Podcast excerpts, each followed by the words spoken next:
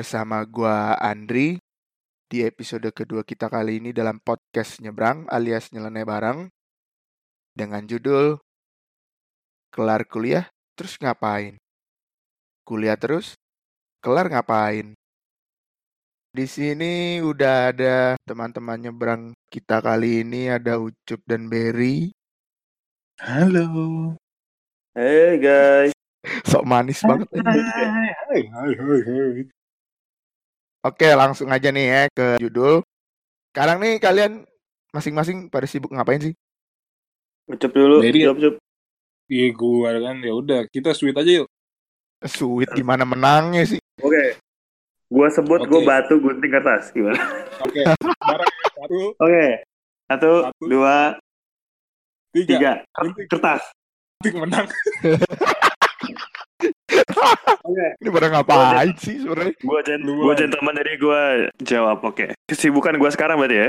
Iya. Hmm, Gua sekarang sebagai karyawan swasta eh, kerja sebagai bisnis consultant yang bantu perusahaan-perusahaan Jepang masuk Indonesia. Seperti itulah. Oke. Itu Nah ini Waduh. kan ada David nih, entrepreneur David. nih pas nih. Pas, pas, pas. Oke. Hmm, Ndri, apa kabar Ndri? baik, Pit. Suara lu kayak gemukan deh. Tuh, Gimana sih caranya suara gemukan nih? Iya. Fit, kita lagi serius Fit. Gue ikut deh keseriusan ini. Wah, mantap. Anggap gue intermezzo ya. Santai, santai. Terus Ucup nih, sekarang lu sibuk ngapain, tahu. Gua sekarang sibuk bagian kalimat kedua. Kuliah terus kelar ngapain gue. Oke. Gue masih pendidikan, Satpol PP gue pendidikan. Tapi gue Satpol PP-nya di luar negeri gue. Sombong amat. Di benua biru, bangun tenda biru. Planetnya Kerja Avatar yang biru-biru. Alah, sambil kerja juga jadi translator sama jadi coder juga. Sambil belajar yang lain juga. Gue belajarnya dua, satu pendidikan formal, satu pendidikan informal, kerjanya bebas. Gitu gue. Hmm, Ya Pak Ucup. Pakut dong. David, Pit. Sibuk ngapain, Pit? Gue sibuk jualan panel gua. Sibuk jualan solar panel nih, Pit ya? Iya, Berarti wirausaha kan? kurang Terus? lebih gitu Ndri. Sebenarnya alasan lu tuh masing-masing tuh kenapa sih milih ada yang S2 lanjut S2, ada yang wirausaha, ada yang ngantor gitu. Sweet lagi nih. Jangan bertiga- lama dong. Bertiga susah. Bertiga susah. Susah.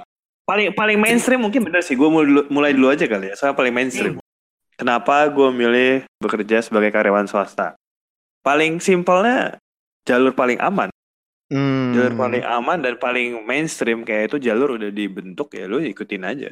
Maksud Iya gua sih. ya tapi emang semua pressure dari orang tua dari sekitar pasti kan habis lulus nanya udah cari kerja belum kerja di mana paling cepat menyelesaikan pertanyaan itu ya kerja ya kan Hmm. dan kenapa gue tetap sampai sekarang pun kerja karena menurut gue bekerja di kantor itu paling aman safe penghasilannya Iya. ada terus gitu loh maksud gue Hmm. bisnis mungkin lebih menarik lebih menantang tapi kan ada ups and downs-nya kalau di karya kantor mau lo bulan ini kerjanya susah payah bulan depan kerjanya bengong doang ya gaji itu aja kan mostly ya di luar bonus dan insentif ya tapi kan lu udah bisa Hmm. memprediksi gaji lu tiap bulan sekitaran berapa lu bisa ngatur keuangan lu lebih gampang dan ya lu Iya at least bener kayak berasa aman lu tiap bulan bisa makan gitu sih Lebih gampang ya manage uang lah ibaratnya kan. Lebih gampang ya walaupun ya nggak seambisius bisnismen atau apa Hmm. ya karena targetnya kalau karyawan kan ya maksudnya petnya udah ada lah lu ikutin jalan karir kayak gitu. Iya udah ada udah ada jenjangnya masing-masing kan kalau kantor ya.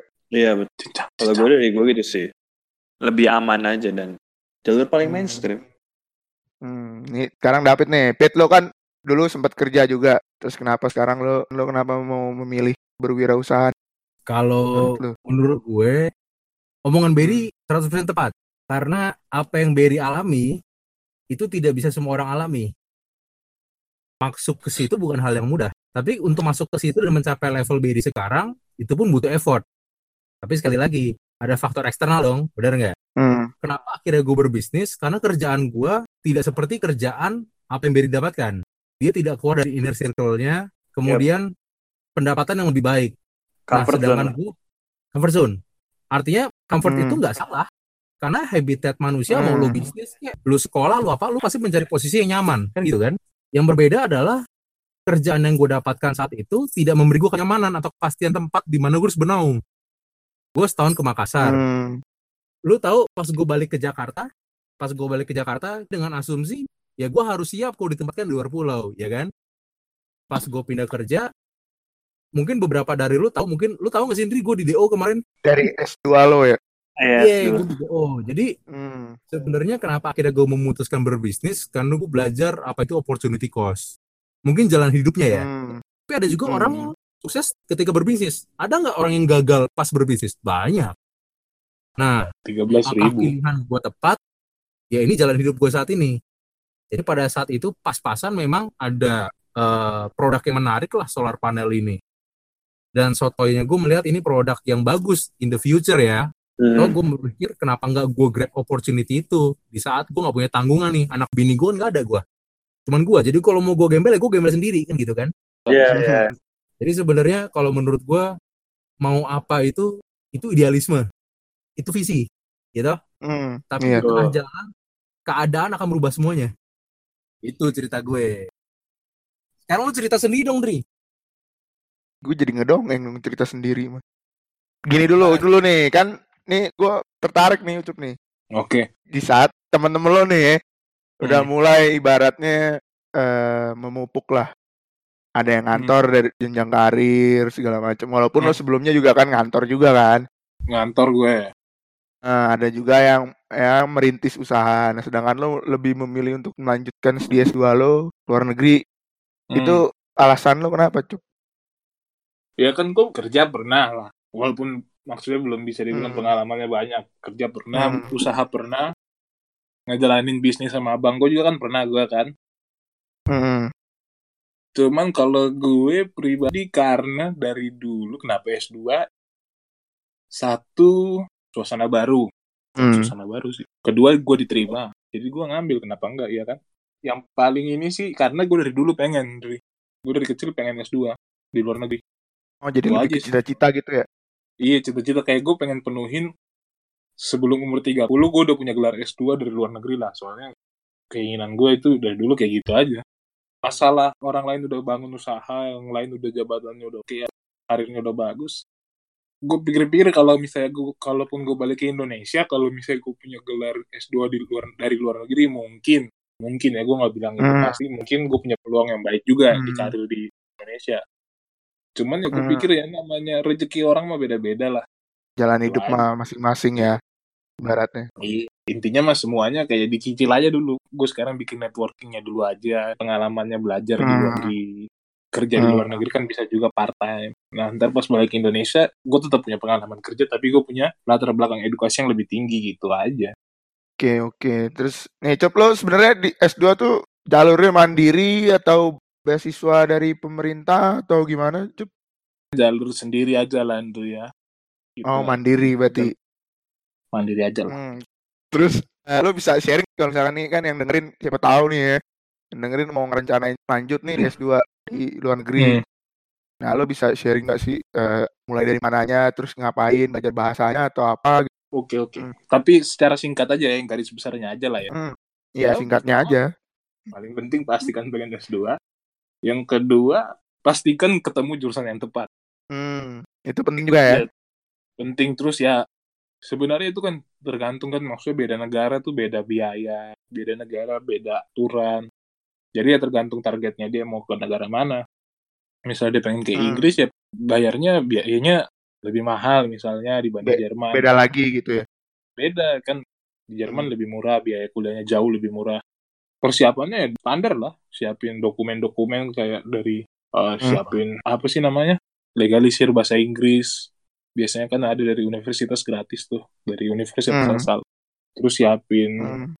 TOEFL atau IELTS lah. Tergantung itu juga tergantung universitas maunya pakai yang mana. Hmm, Beda-beda. Beda-beda lah ya masing-masing itu. beda-beda. Jadi ya emang pastikan dia ketemu jurusan eh dia tentukan negaranya tentukan un- universitasnya tentukan jurusannya. Habis itu ya ngikutin prosedur yang ada kan setiap website pasti lengkap kan atau baca di Google lah banyak pengalaman-pengalaman ada yang Hmm. pakai agen ada yang daftar sendiri Hmm. agennya tuh maksudnya pas visa ya cuman ya, gue pengalaman kemarin apply visa sendiri juga ngikutin semua semua tata tertib yang ada tata tertib Yang ada semuanya lancar, lancar, lancar. Bahasa lu kayak anak penabur ya.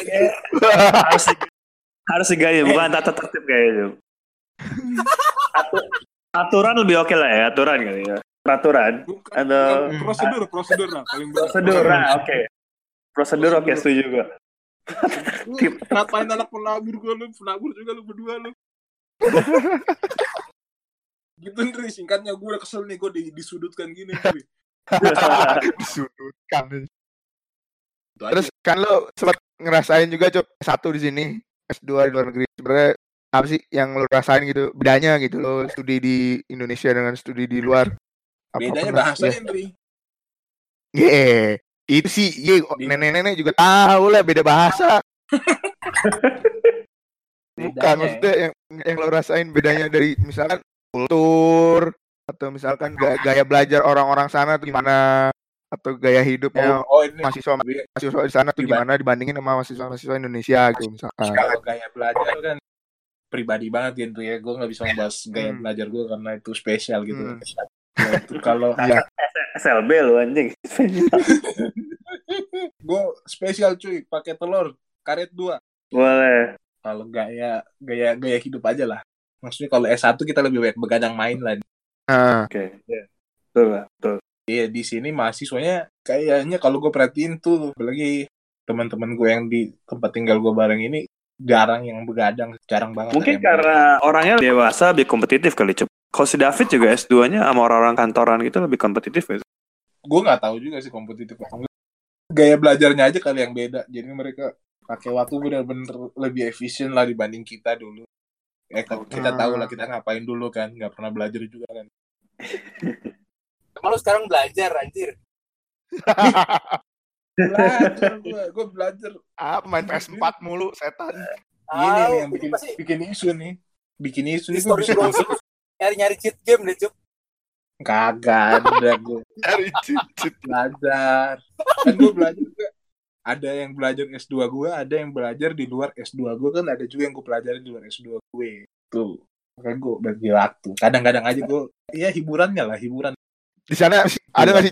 Kayak orang mahasiswa Indonesia kan suka gitu kan. Nyedot nyedot apa bandwidth internet, bateri gitu streaming download gila-gila. Ada nggak sih? Ada juga Di sini- di di Jerman? sini kan download ilegal Dre Oh, serius, download Cok? ilegal. iya ilegal jadi masalah bandwidth bukan masalah yang wah-wah banget sih ya kadang emang ada kalau misalnya lagi semuanya pada streaming jelas pada lamb agak lambat kan kalau download setahu gue sih ya mungkin ada yang download download software atau download apa gak pernah ada masalah sih. lu kali di Indonesia dulu lu Sering, gue digituin mah sering. lu lagi main CS kan pingnya 25 tiba-tiba 1000 ada yang nonton YouTube ya kan Ya lu berarti itu. Siapa Gue lagi? Arthur itu Arthur Lo Nah. punya pengalaman menarik gak sih saat baru lulus? Terus lo mau mulai kerjaan lo di tempat kerja tuh ada pengalaman menarik gak sih? pengalaman menarik di kantor gitu ya apa yang gue alamin gitu Atau kagetnya gitu ibaratnya lo baru lulus nih. Terus langsung Mhm. kerja tempat kerja itu lo apa sih pengalaman kagetnya atau pengalaman menariknya? Yang Oh, oke. gitu. Sebenarnya yang paling kagetnya gue itu ketika gue lulus, gue kayak gue jujur aja gue gue mikirnya sebelum gue lulus kayak semester 8 gue udah ngerancangin oke gue lulus bulan Agustus gue nyampe Jakarta gue apply terus gue langsung dapet kerja yang oke dengan Wih, gaji Ah, ya oke lah yang hmm. kisaran misalkan eh dapat lah gue 5 juta gitu kan nah Iya Hmm. oke tapi ternyata nggak semudah yang gue rencanain Hmm. gue rasain itu gue lulus bulan Juli gue baru bisa dapat kerja itu Desember itu pun jadi itu bukan kerjaan yang sebenarnya gue mau gitu loh itu kerjaan karena Hmm. gue gue udah kelamaan nganggur gue udah mulai depresi ya itu ketika lu lulus terus lu nggak tahu mau Hmm. pengen mau kerja tapi lu nggak ada kerjaan jadi di rumah lu nggak punya duit lu nggak ada Hmm. kegiatan dan orang Bingung- tua bingung.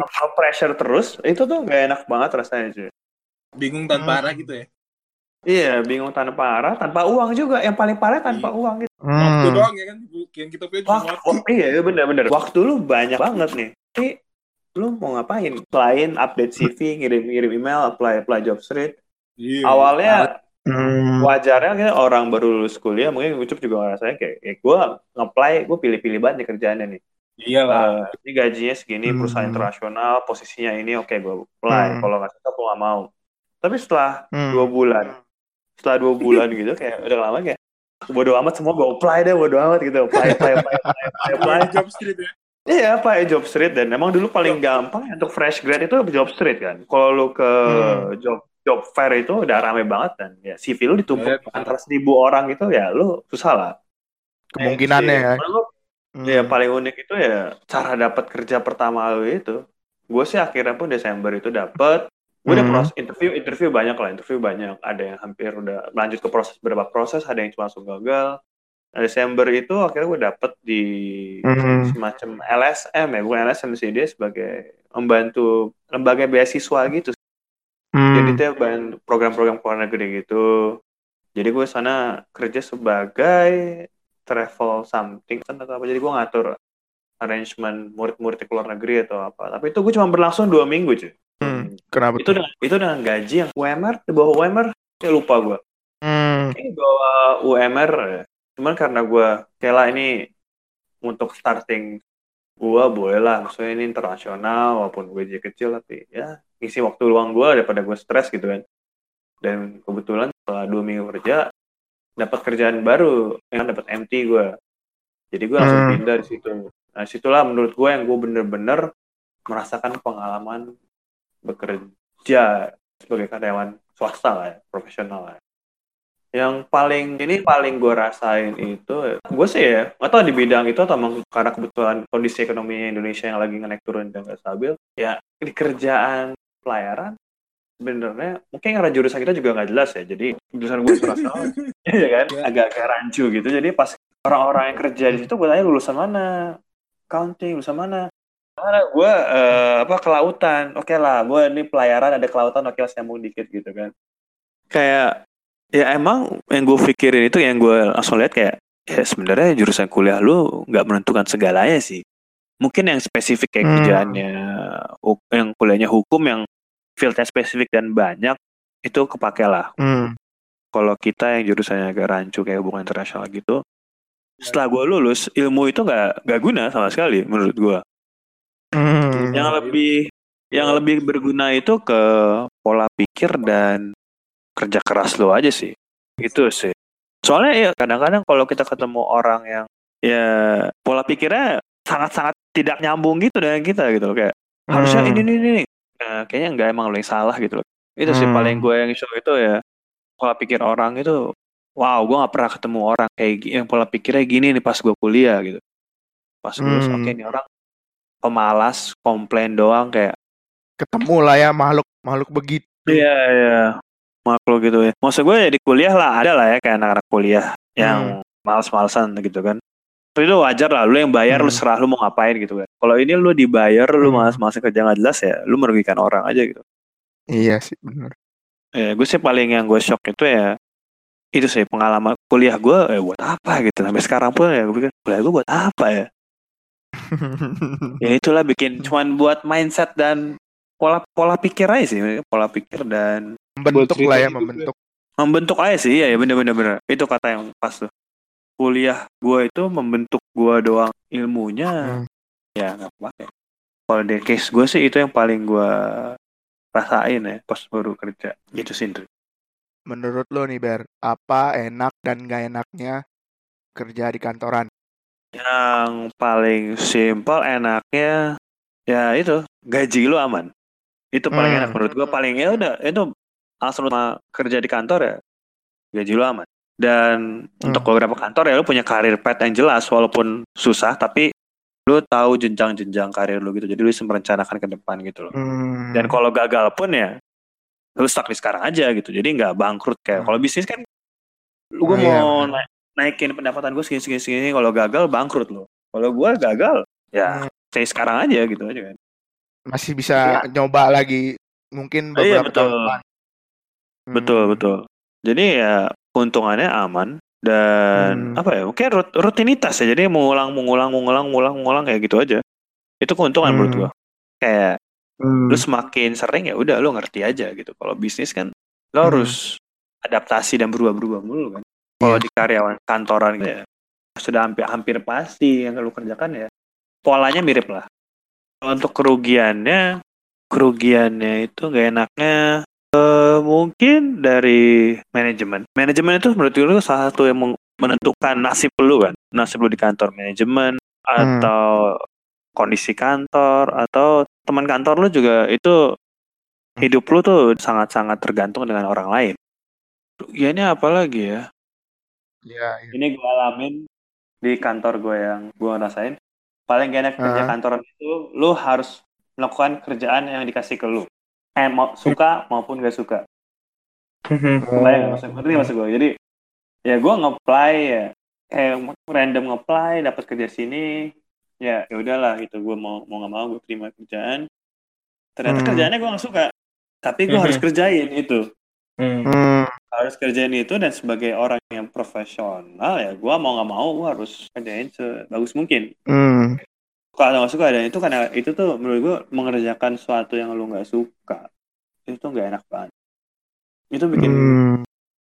bete nggak ada motivasi buat kantor kayak anjing gue kantor lagi. Gue waktu itu ditempatin sebagai export sales eksekutif ya itu gue harus menjaga hubungan dengan klien-klien dan itu customer gue VIP lo harus harus baik. Ya lo yang kalau kenal sama gue ya lo tau lah kalau gue tuh nggak bukan orang yang sabar. Hmm. ya kan? Itu udah oke lah. Lu bayangin Hmm. gak sih gue jadi sales gitu kayak oh iya selamat siang pak. Ya aku bisa dibantu. Oh iya iya iya. Hmm. kita bakal ini kok progres gini gini gini. Berarti kayak menjadi ramah itu tuh susah buat gue dan itu nggak nyaman. Dan gue Hmm. gue nggak nyaman banget. Dan gue juga sebenarnya seorang yang introvert gitu kan nggak suka bertemu banyak orang baru. Jadi itu sangat susah. Itu gue di luar Hmm. comfort zone gue tapi gue harus lakuin karena mau nggak mau that's my job. Kayak Hmm. gue gue ada pilihan sih gue bisa kerja di tempat lain. Tapi di saat-saat itu pasti lo ada nggak ada pilihan. Kayak oke lah gue harus lakuin itu yang paling gak enak Hmm. di kerja sih maksud gue lo suruh kerjain apa lo harus lakuin aja. Suka nggak suka. Hmm. itu sih kalau dari gue Terus lo lo punya rencana buat buka usaha nggak sih Ber? Atau lo mau ngejar karir impian lo dengan pindah kerja atau mungkin mau melanjutkan lagi studi lo gitu?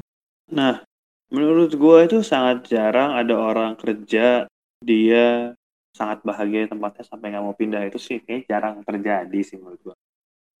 Hmm. Orang mungkin nggak pindah karena itu di comfort zone mereka mereka nggak mau cari tantangan baru atau kayak. Tapi saat satu titik bikin lu pengen banget pindah dan gue sih yang bikin gini motivasi gue kerja itu ya bukan muluk mana apa ya duit aja. Selama ada tawaran kerja yang lebih baik dan bukan lebih baik ya tawaran kerja yang bisa menghasilkan gue duit lebih tinggi gue cabut itu sih menurut gue make sense gue sih nggak kerja ya nyari duit ya kalau ada duit lebih oke gue cabut Hmm.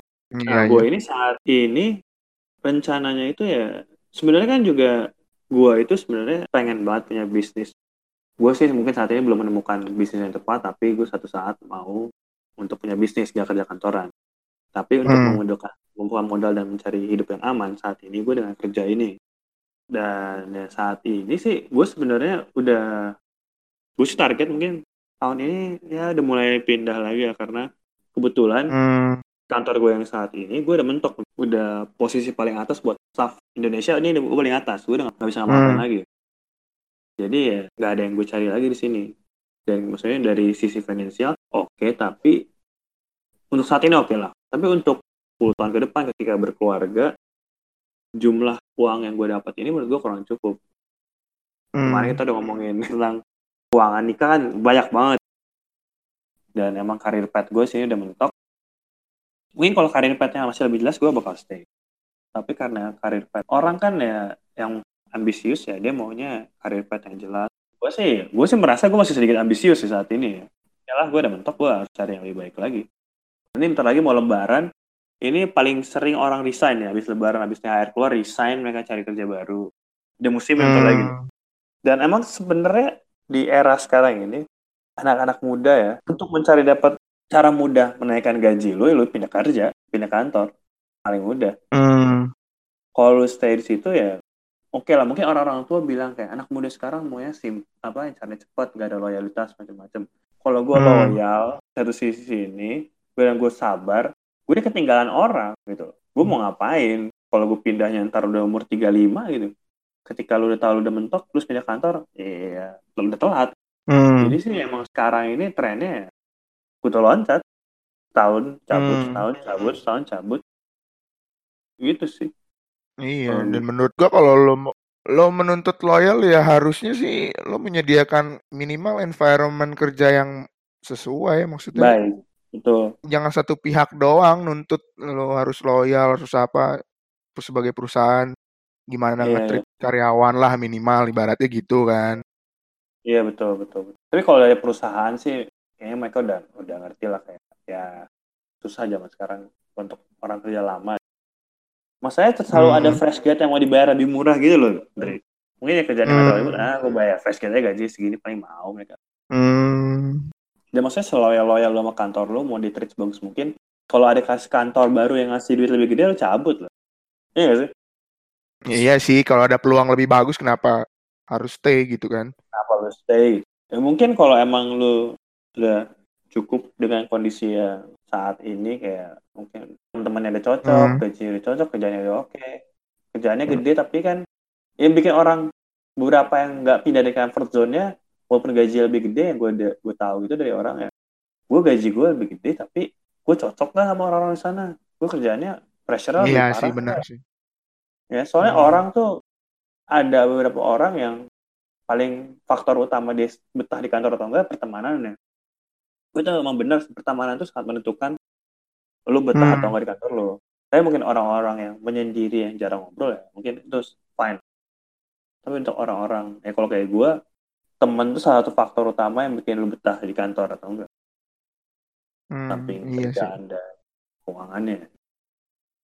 Iya, dan banyak kasusnya juga sih yang yang pindah-pindah kerja karena lingkungannya. Sebenarnya yang nggak nyaman Betul. dari lingkungan kantor lah, temen, bos atau Betul. apa gitu. Iya iya. Bos apalagi ya kayak lu udah ya dia bos lu cuy. Lu, dia nentuin hidup lu ya.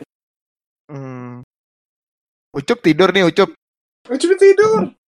Gabut anjir. Nah makanya tanya tanya Ucup tanya Ucup dulu sekarang biar gak, gak tidur dia. Gue dong dijual. Gila emang. Iya kan lu, Cup. Lu sempet magang lah ya kerja gitu kan. Lama, Hmm. lumayan lama lah. Ucup lu 8 bulan gak sih? Oh di situ. Kayaknya nyampe. Ya, itu oke lah 8 bulan oke lah. Udah lu kerja di Indonesia kerja di luar negeri. Iya, gue kerja di sini Hmm. juga kan. Terus apa yang mau nanya? Iya lu kalau kerja di Jerman sebenarnya lu kan punya perbandingan nih sebelumnya udah pernah kerja di Indo juga kan. Hmm. Eh, gimana gimana sih bedanya lingkungan kerja di Jerman sama di Eh. Indonesia tuh bedanya apa sih gitu? Eh, tapi sorry Iya. Ucup di Jerman ini lu kerja di kantor atau work from home? Di kantor gue. Kantor ya. Nah, oke berarti ada bisa lah bandingin. Kan sama-sama di kantor tuh Hmm. Jakarta. Yang lo lihat aja, yang lo alamin lah ibarat. Jamnya Iya, sih yang beda. unik apa gitu? Jam ya? Jamnya Hmm. beda. Kalau gue di sini fleksi gitu kan. Jadi gue bisa datang jam 2. Tergantung gue janji kerjanya datang jam berapa. Jam Tapi 12. emang kantor lu aja atau emang kantor lu aja kayak kebetulan kan? ya banyak sih kantor yang kayak begitu di sini. Jadi namanya kan flexi time. Iya, tapi lu pulangnya Hmm. sesuaikan dengan jam kerja kan? Iya, disesuaikan sama jam kerja. Terus kayaknya sisanya sama-sama aja sih. Dapur, makan bareng. Hmm. Ngobrol mungkin lebih dikit sih. Ngobrolnya lebih dikit. Lebih banyak fokus ke kerjaan dibanding ngobrol. Oke. Ya kalau di Indonesia tergantung sih workload-nya banyak atau enggak. ya. Iya, tergantung lokasi. Tergantung lingkungan masing-masing juga kan. Hmm.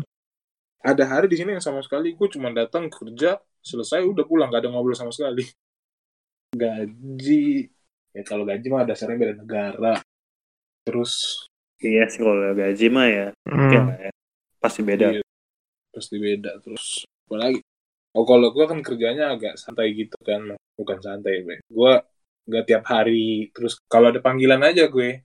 Kayak, kayak jabla ya. Jabal. Ya, Kayak mirip-mirip lah. Vanessa Angel lo ya. Ngalah. Capek itu. Berapa juta cukup lo berarti? Ya satu, satu, satu Big Mac lah cukup lah lo ya. Satu Big Mac. Sedih banget sih di sini. Satu Big Mac. Gitu aja sih bedanya. Eh, tapi gue mau nanya Cup, untuk masalah perkuliahan. Apaan? Lu itu ketika lu memutuskan S2, Hmm. itu emang emang sih tadi kan lu bilang itu emang udah impian lu. Hmm. Tapi itu tapi sempat kepikiran lu pas lu kuliah S1, lu langsung S2 Mhm. atau karena nggak tahu ya kalau gue yang rasain ya gue ketika sekarang ini kan sosial media ya hari lu pakai lah ketika lu kerja di kantor tiba-tiba instastory orang atau pet dulu zamannya masih pet ya ngeliat pet Mhm. orang kayak lagi kuliah S2 di luar negeri wah kok asik ya cuy jalan-jalan kayak jalan-jalan lah Hmm. kayak kesan kayak oh keren juga nih kuliah di luar negeri Mhm. ya gue sih gue sih kepikiran kayak pernah kayak kayaknya enak juga cuy kuliah di luar negeri ya sekalian jalan-jalan terus kayaknya ada buat karir oke lah apakah emang itu pure keinginan sendiri lu pengen S2 atau ada faktor-faktor eksternal gitu Pertama lu gak pernah lihat gua ngepost gua jalan-jalan kan? Iya, ya kalau lu kan nggak pernah apa kan lu kalau main Instagram lu bisa ngeliat orang-orang kan tepat. Gue nggak pernah tertarik sih. Kalau maksudnya patokannya lihat, ih orang eh kayaknya asik enggak sih. Gue nggak pernah kepikiran kayak gitu sih. Karena lu tahu lah tipe gue tinggal dalam kamar. Mhm. Emang dasarnya aja emang gue pengen penuhin cita-cita. Kalau Emang emang Asik. dari lu nya aja ya bener-bener gak ada. iya, Soalnya Ya, kadang-kadang ada orang yang kayak gitu. ya Hmm. ada aja sih. ikutin ikutin aja kayak orang-orang ah teman-teman gue S2 gue juga. Eh gue bingung gue mau ngapain S2 aja deh. Iya. Kayak gue nggak tahu gue mau ngapain di hidup gue habis lulus S1 adalah kuliah lagi aja. Ya kalau gue sih pribadi emang target aja sih. Yang gue bilang tadi sebelum umur 30 gue udah pengen punya gelar S2. Tapi lu Apaan? ngomong sama orang tua lu emang orang tua lu emang udah tahu dari dulu mau S2 atau lu harus membujuk mereka untuk lu membiarkan lu S2 di luar negeri Iya, waktu itu gue ngomong kan, gue pengen S2 luar negeri. Terus ditanya mau di mana, terus dibilang mau negara mana aja, mau di Indonesia apa di luar negeri kan. Terus ya gue bikin lah list negara mana aja yang gue pengen. bikin PowerPoint ya presentasi gitu Iya, terus gue gue bikin lah Excelnya gitu kan. oke Barangnya segini, jadi gue tawarkan lah proposal ya kan, kayak sales aja gue ya kan. Iya. bos, bos ini bos, ini biayanya di bos. Mau investasi yang mana bos gitu aja ya kan. Terus ya setelah gue perhitungkan kan Indonesia di S2 di Indo sama S2 di sini gak gitu beda jauh juga. Biaya kuliah juga gak gitu mahal di sini. ya hidup Ya hidup ya tergantung sih ber cara hidup yes lu juga. gaya hidup lu ya betul betul Kalau misalnya maksudnya ada yang bilang ada yang bilang tempat tinggal mahal. Iya, iya mahal kalau Iya. lu pilih apartemen sendiri misalnya. Kalau misalnya kayak gue Oh, tinggalnya di apartemen student lah, maksudnya ma- apartemen mahasiswa ya.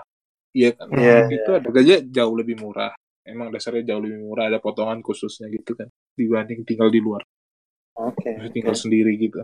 Jadi ya tergantung gaya hidup lah. Kalau misalnya lu pengen tiap hari makan di luar ya ya mahal lah. tapi waktu itu orang tua lu langsung kayak selalu ngomongin kayak eh ya udahlah gitu atau sempat ditolak atau gimana? Ya berdasarkan diskusi mereka izinkan ya gue laksanakan aja. Mereka bilang ya udah coba aja daftar. Ya udah gue daftar. Pas keterima gue kasih tahu. Udah. Terus oke. Ya cuman ya kan cita-cita gue juga kan ini gue pikir kalau gue nggak gue nggak S2 langsung buru-buru S2 gue mikir cita-cita gue yang lain tuh nggak bisa kecapai soalnya. Gue pengen jadi luar negeri kan. Soalnya Hmm. satu gaji gaji ya pasti lebih gede lah. Ya oke lah pasti ya. lebih gede walaupun gue tahu potongan pajak atau biaya hidup lebih mahal. Apa pun itulah. Cuman kalau gue pikir-pikir gue pengen misalnya gue pengen bisnis nantinya atau mau ada lah cita-cita personal gue di umur 30 ya gue butuh duit yang lebih banyak lah untuk mencapai cita-cita itu. Jadi kalau gue pikir gue kerja di Indonesia gue rasa gak bakal dapat aja buat nyapain cita-cita itu. Gitu. Gitu cuy. Hah? paham lu? Oke oke paham paham tapi by the way gue mau tadi mau nambahin tadi kan lu bilang salah satu alasan pengen ke luar negeri karena gajinya lebih gede ya itu wajar Hmm. lah tapi sebenarnya pengen gue tambahin di sini ke gaji di luar negeri itu Hmm. lebih mencukupi kehidupan di Indonesia ini yang gue rasain itu deh gue dengar juga teman-teman gue yang kuliah di luar negeri dulu kayak kayaknya kalau gaji lu segini di Malaysia misalnya di Malaysia gitu dan gaji UMR lu bisa beli apa beli apa beli apa karena di sana murah sedangkan di Indonesia gaji UMR itu 3,8 tapi bensin di bensin murah tapi kayak harga makanan itu terlalu mahal jadi ya yang gue pengen tambahin sih itu gaji Indonesia menurut gue tidak kubi atau tidak sesuai dengan harga yang ada. Iya Kalau sih, di setuju, setuju. Jerman itu UMR berapa ya? Cuk? Wah, UMR gue nggak tahu sih. Cuman Cuma setahu kayak- gue- Sekarang deh, sekarang lu kerja ini Hmm.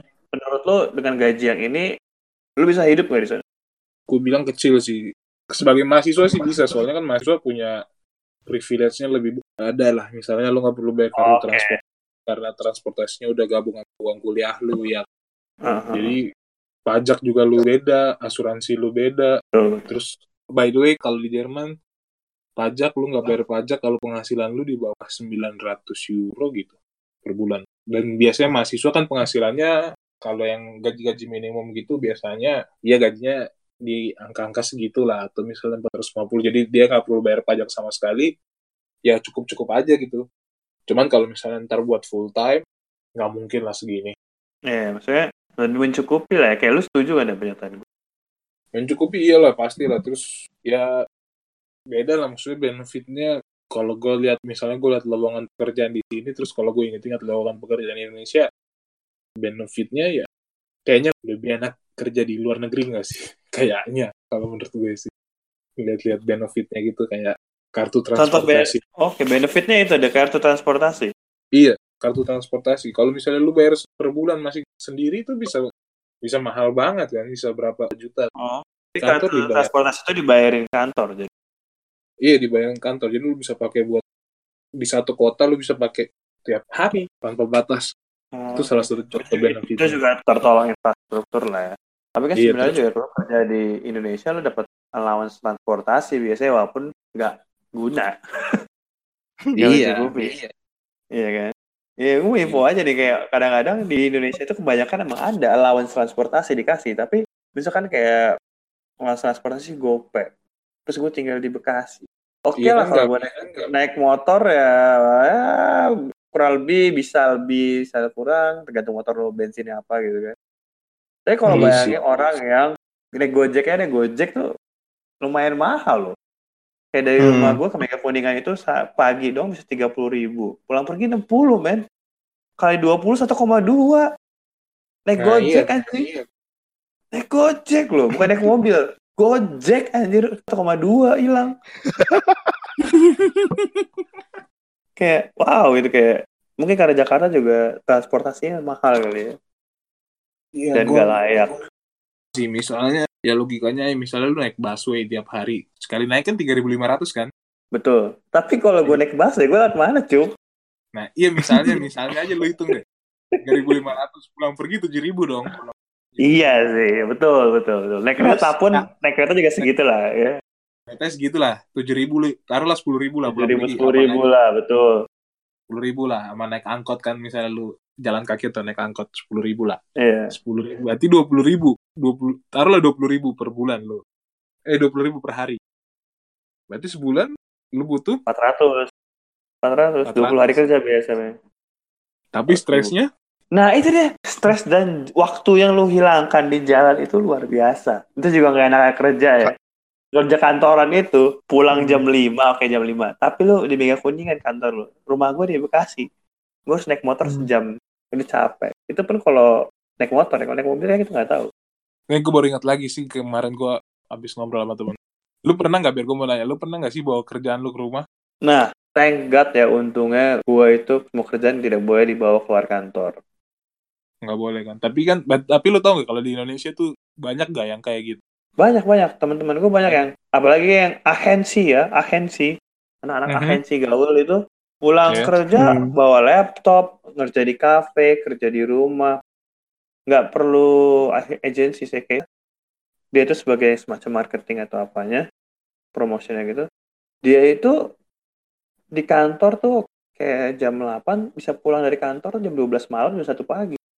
Itu pun nanti balik jam 1 pagi tuh di jalanan balik masih buka laptop kerja di mobil kayak anjir men no life banget sih. nah kalau kalau kalau di sini kemarin gue tanya eh, teman gue gitu. Misalnya gue lagi emang lagi jadwalnya gue kerja dari rumah ibaratnya gitu kan. Walaupun itu dibayar ya. Tetap harus dibayar gue walaupun kerja di rumah gue harus tetap dibayar. Temen gue nanya kok lu kerja dari rumah? Misalnya orang orang orang sini lah dia nanya gitu.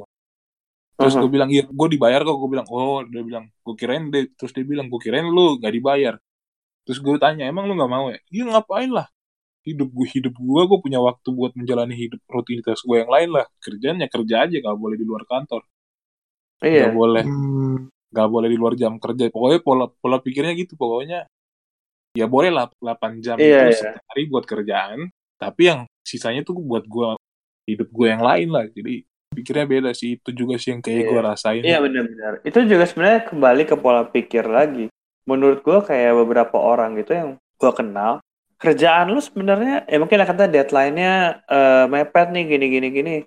Tapi Hmm. itu pilihan lagi. Sebenarnya kayak ya lu nggak di pressure buat kerja sekarang, tapi karena mereka beberapa orang tuh tau gak sih kayak ada orang yang belum kelar kayak dia langsung kepikiran kepikiran nggak tenang jadi dia lebih baik gua hajar terus gua Hmm. kerjain sampai kelar Hmm. besok udah selesai bisa aja besok gabut lagi tiba-tiba gitu kalau gue tipenya ya gue kerjain jam pulang oke besok gue lanjutin bodo amat ya lagi balik ke ini sih etos kerja anjay etos kerja bahasa gue Budaya lah ibaratnya. ibaratnya. budaya kerja lah iya iya ya orangnya sih kembali ke orangnya lagi Jadi nggak cuman nggak cuman orang main game aja yang no life, yang kerja pun bisa no life ya.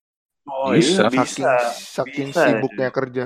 Iya dan gue bingung yang gue bingung kadang-kadang orang yang kerja kerja sabtu minggu pas subuh gitu Hmm. bayarannya nggak segede gitu cuy tapi emang Hmm. rata-rata orang-orang seperti itu yang seperti di agency ataupun di TV mereka kerja karena itu passion mereka jadi mereka enjoy sebenarnya walaupun mereka ngeluh mereka capek tapi itu mereka enjoy walaupun dengan gaji yang mungkin menurut gua Hmm. nggak sesuai tapi karena Hmm. mereka enjoy mereka melakukan itu banyak orang yang bilang lo nyari kerja sesuai passion lo apa yang lo suka gitu. Hmm. sampai sekarang gue gak bisa menemukan passion gue itu apa sejujurnya. Mungkin passion gue yang jelas tuh olahraga sport sports oke. Gue suka banget dengan olahraga atau perfilman tapi Hmm. untuk di Indonesia apa yang gue bisa kerjakan gitu loh dengan passion gue di bidang olahraga dan perfilman? Ya mungkin ada cuma gue belum menemukan belum menemukan jalannya aja ya. Hmm. tapi emang ada orang yang lebih mementingkan passion mereka daripada financial mereka. Dan itu gue salut. Dan kadang-kadang mereka bisa hidup dengan financial mereka itu ya mungkin sama aja kayak orang passion bisnis ini mereka passionnya bekerja di bidang itu Kerja pro- profesional lah ya gitu. profesional ya ya dengan bidang yang mereka kerjaan itu mereka udah suka banget gitu Ndri Sebenarnya gue masih bingung nih kalau soal masalah asuransi kesehatan tuh sebenarnya buat pekerja di Indonesia tuh gimana sih Ber sebenarnya? Apakah masih Asuransi. ngandelin BP, BPJS kah atau emang lo udah ada BPJS nih misalkan, tapi lo punya asuransi lagi gitu? Oh ya jadi kalau untuk dunia kerjaan itu kantor dapat dua bukan sih kantor itu wajib membuat karyawannya terdaftar di BPJS Kesehatan Hmm, Tapi karena itu kewajiban Andri sebenarnya karyawan-karyawan kantoran kayak kantoran gue pakai BPJS mana mau sih ngantri panjang gitu kan. Jadi kita pada Hmm. umumnya kita punya BPJS kesehatan, kita punya Hmm. asuransi lain. jadi ada ada Iya. asuransi lain gitu ya? Iya, ini asuransi kantor ya, asuransi kantor dan BPJS. Jadi kayak Hmm, ya, BPJS ya ngapain gue pakai.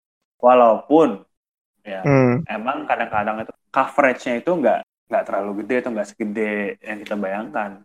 Brandnya doang tapi kadang-kadang gue ke dok- dokter umum masih nombok 50 ribu hmm. untuk obat ya tapi maksud gue it's okay lah untuk ke dokter dengan layanan cepat dan dengan obat-obat ya mungkin dokter juga tahu kita pakai asuransi kantor dikasih obat yang mahal kan jadi ujung-ujungnya gue nambah lagi padahal kayak obat gak penting ya kayak ya gitu sih. Dan asuransi kantor itu kadang-kadang oke kayak asuransi biasanya yang kacamataan tuh menurut gue oke ketolong kantor sih. Gue gue gak pakai kacamata jadi gue gak bisa pakai kayak tiap tahun tuh dikasih budget dari kayak buat ganti kacamata biasanya. Apalagi yang kerjanya fokus ke layar monitor mulu ya biasanya asuransi Hmm. menye- menyesuaikan pekerjaan sih. Kayak ya kacamata itu biasanya rata ada yang 2 juta ada yang 3 juta 4 juta pun Hmm. ada kayaknya. Itu tuh tahunan jadi lu bisa tiap tahun bisa ganti kacamata gitu kan. Terus juga ada asuransi gigi ya gitu gitu sih macam-macam. Hmm, dan yang paling ini nih gue orang kantor gue baru mengalami banyak jadi orang kantor gue banyak yang baru ngelahirin cewek ya itu menolong banget loh cuy hmm. untuk orang lahiran ya itu mereka bisa di cover 9 juta kantor gue 9 juta 10 juta gitu di cover buat lahiran oke dong kayak oke gitu walaupun ya Hmm. ujung-ujungnya sebenarnya dikeluarin 20 jutaan tapi ya lumayan lah setengahnya dibayarin kantor kan Membantu lah ibarat. membantu betul Tapi yang uniknya nih ya, kita lagi gue lagi sangat unik. Jadi temen gue ini cewek, temen gue kan cewek. Oke, dia di cover asur- asuransi kantor. Suaminya juga kerja punya asuransi kantor. Jadi Hmm. itu eh kalau suami istri bekerja sama-sama di cover asuransi kantor yang bisa mengcover kehamilan, itu nggak bisa dikombinasi, cuy. Hmm. Jadi cuma satu pihak doang yang boleh dipakai gitu loh. Ini sangat unik menurut gue dan dan kalau nggak salah tuh yang, yang lebih dipakai itu asuransi lakinya. Karena apa gitu peraturan-peraturan asuransi gue nggak ngerti. Cuman itu salah satu yang Hmm. unik sih menurut gue di asuransi kantor yang baru baru baru ini gue tahu ya kayak kenapa pakai Hmm. keduanya. ya. Enaknya kerja di kantor juga itu Andre kayak lu udah tercover asuransi ya. Ya walaupun kembali lagi kayak tergantung kantor lu lu asuransiin gede banget atau enggak gitu kan. Iya, iya, iya. Paling gede itu kalau nggak salah grup itu kan mereka emang perusahaan besar ya.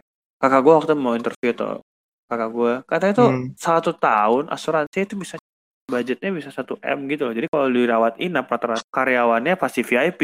Jadi kayak, karena budgetnya sangat luar biasa kayak oke itu sangat mereka sangat bagus menjaga karyawannya gitu kan kayak budgetnya gede banget kayak salah satu juga- orang stay kerja di kantor ya itu juga sih asuransi. Nah, itu bener sih yang jadi faktor loyal karyawan mungkin itu kali salah satunya. Betul ya mungkin gaji lo kayak kayak nggak terlalu gede tapi kadang-kadang asuransi "Eh, asuransi gue enak nih tahu Hmm. apa gue bisa aman.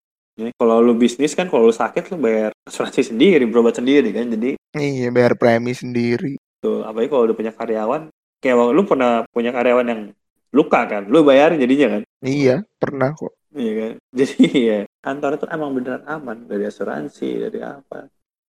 Target lu target lu berapa ber emang by the way? Gue penasaran target lu tuh sampai kapan lu kerja? Misalnya lu di target lu, gue udah punya tabungan 10 m. Nah, enggak sebenarnya gue pun masih kerja karena sampai sekarang gue bisa belum bisa menentukan bisnis apa yang tepat yang gue lakuin. Hmm. Itu dia.